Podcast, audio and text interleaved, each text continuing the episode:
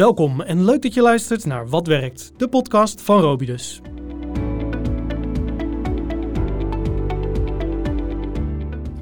Ik zit hier vandaag aan tafel met Petra Kamping, consultant op het gebied van sociale verzekeringen bij Robidus. Nou ja, aan tafel niet echt, want dat gaat via een online verbinding in verband met het uh, coronavirus. Van harte welkom. Leuk om elkaar toch te spreken.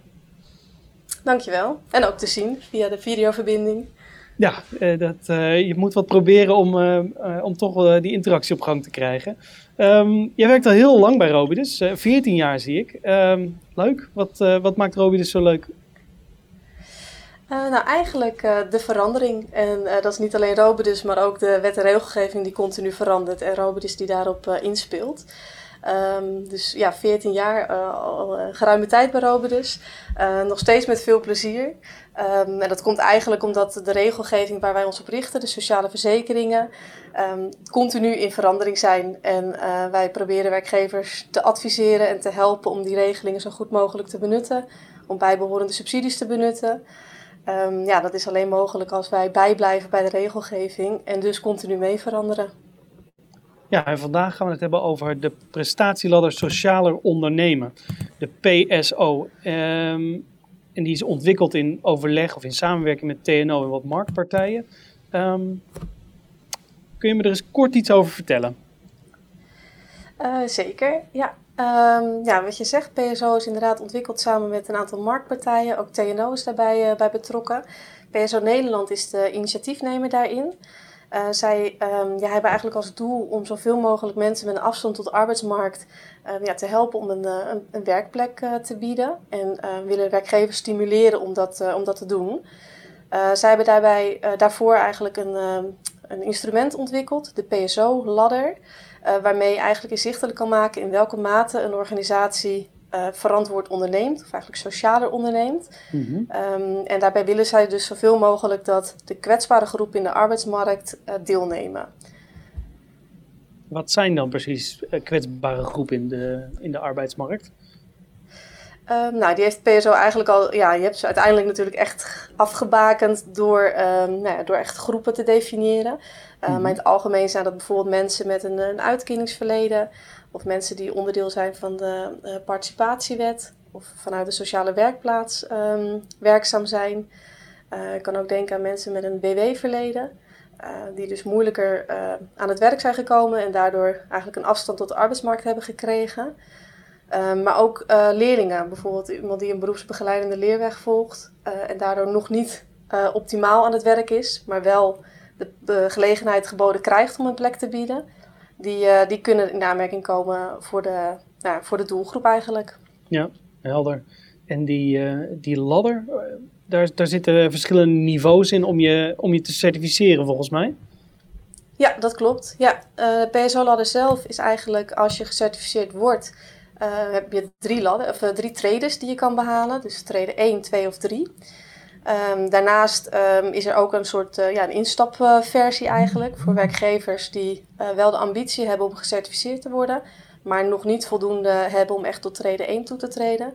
En daarvoor is de aspirantstatus een, een status die zij kunnen aanvragen.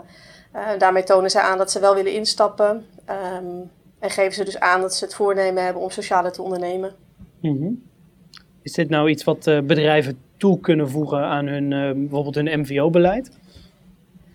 Uh, ja, zeker. Ja, ja want um, nou ja, doordat ze dus, als ze echt een PSO-certificaat hebben, dan um, nou ja, kun je dus echt aantonen dat je socialer onderneemt.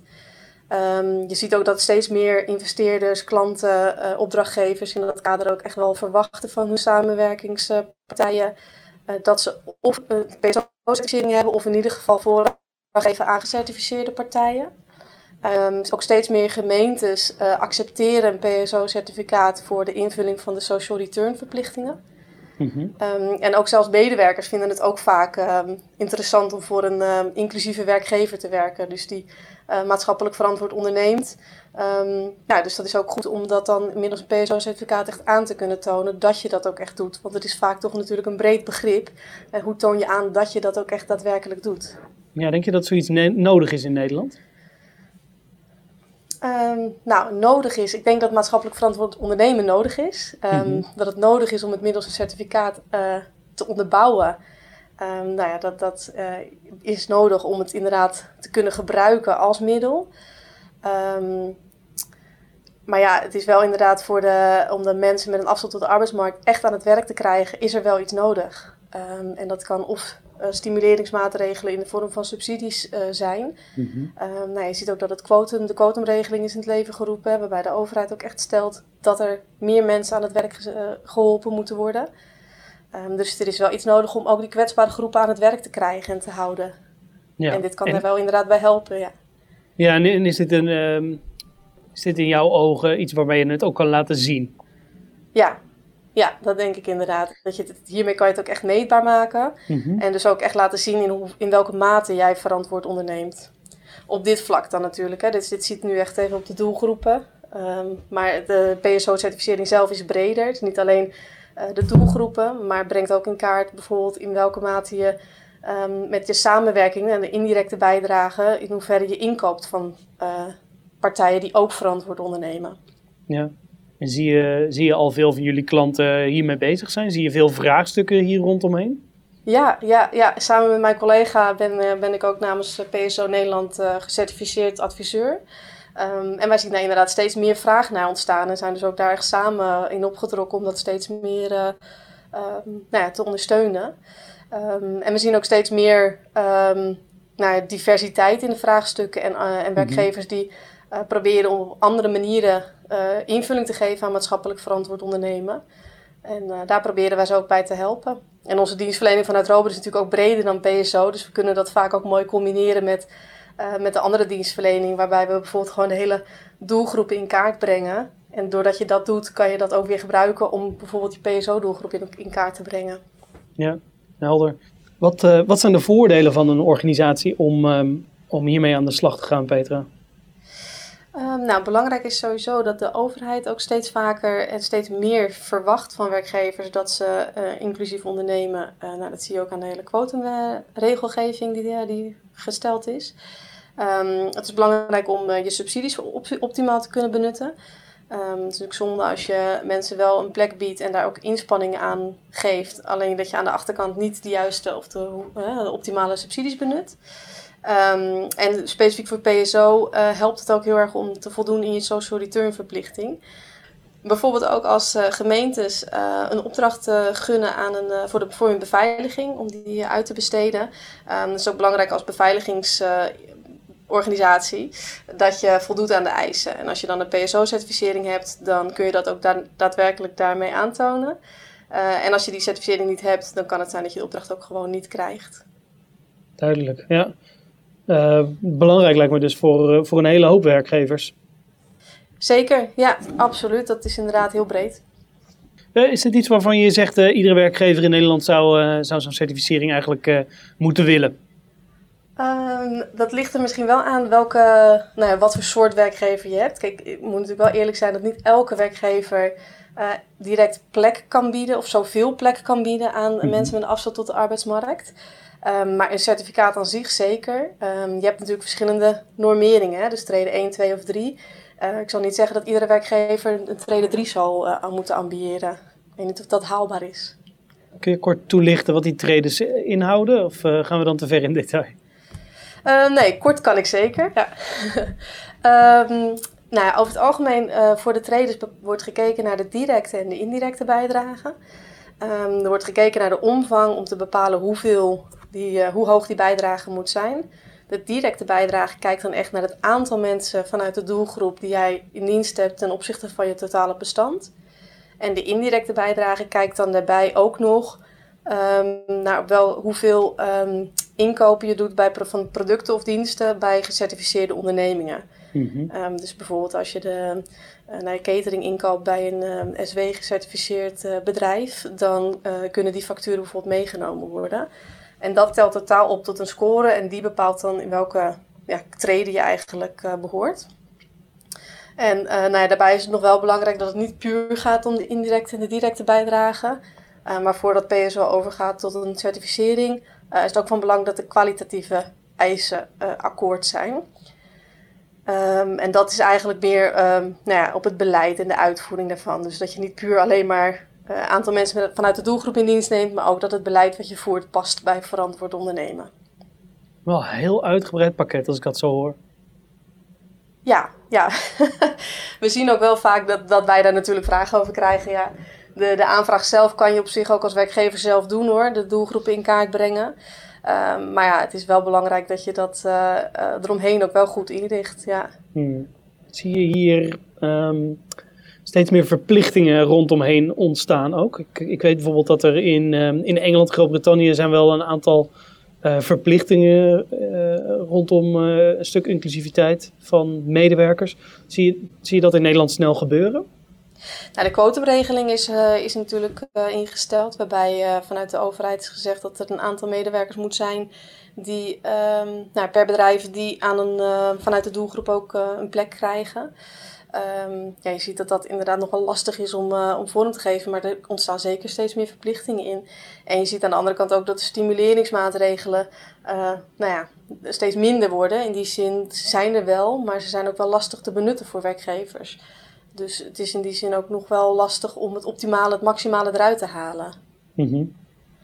Dus waardoor Waar... werkgevers ook gewoon, ja, waardoor werkgevers eigenlijk nog wel een beetje terughoudend zijn of, of belemmerd worden om het optimaal te doen. Ja, ja. Wanneer is dit niet geschikt voor een, uh, voor een werkgever of een, misschien een HR-professional die nu aan het luisteren is, die denkt, ja, ik vind het wel interessant en ik wil hier eigenlijk wel iets mee bij mijn organisatie, maar wanneer zeg je, ja, het is eigenlijk um, je bent te klein of je, je, bent niet, je bent niet leuk genoeg of... Ja.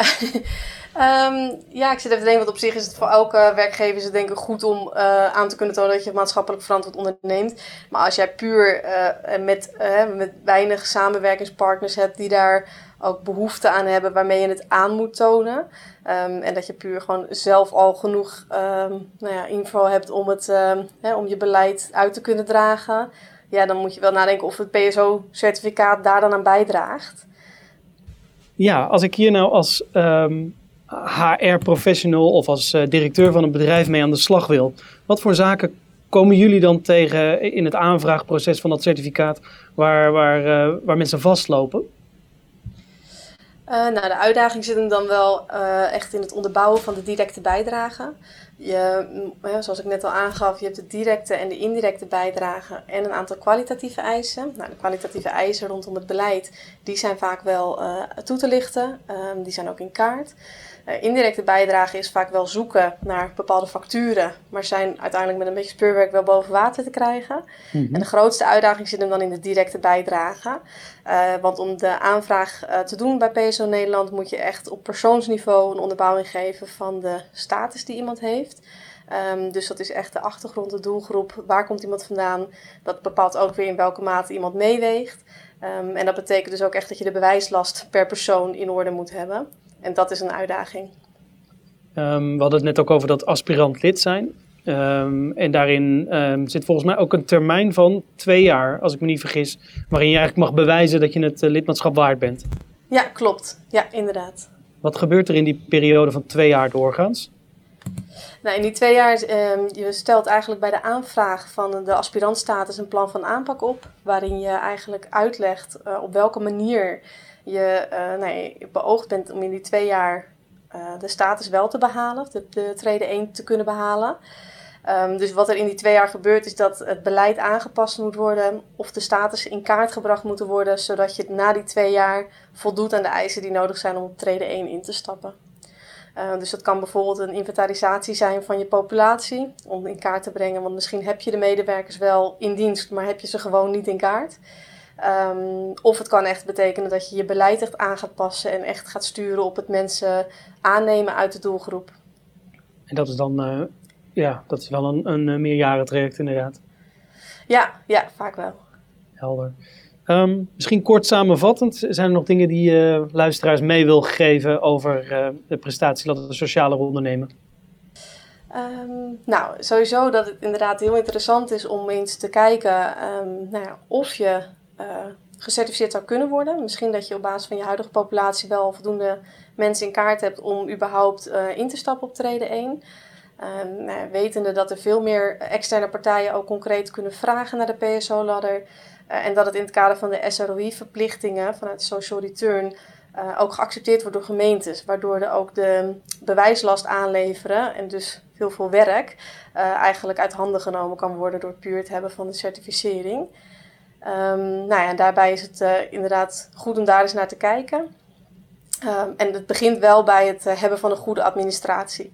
Uh, en dat is niet alleen voor de PSO, maar vanuit uh, sociale verzekeringen eigenlijk voor meerdere regelingen van belang. Bij ons ook echt wel de basis. Zorg dat je populatie in kaart is, weet wie je in huis hebt en, uh, en wat hun achtergrond is. Nou, ik denk dat het ook HR-professionals en directeuren veel handvatten geeft en stof tot nadenken. Ik, ik, wil je ontzettend bedanken voor, voor je tijd, voor dit gesprek.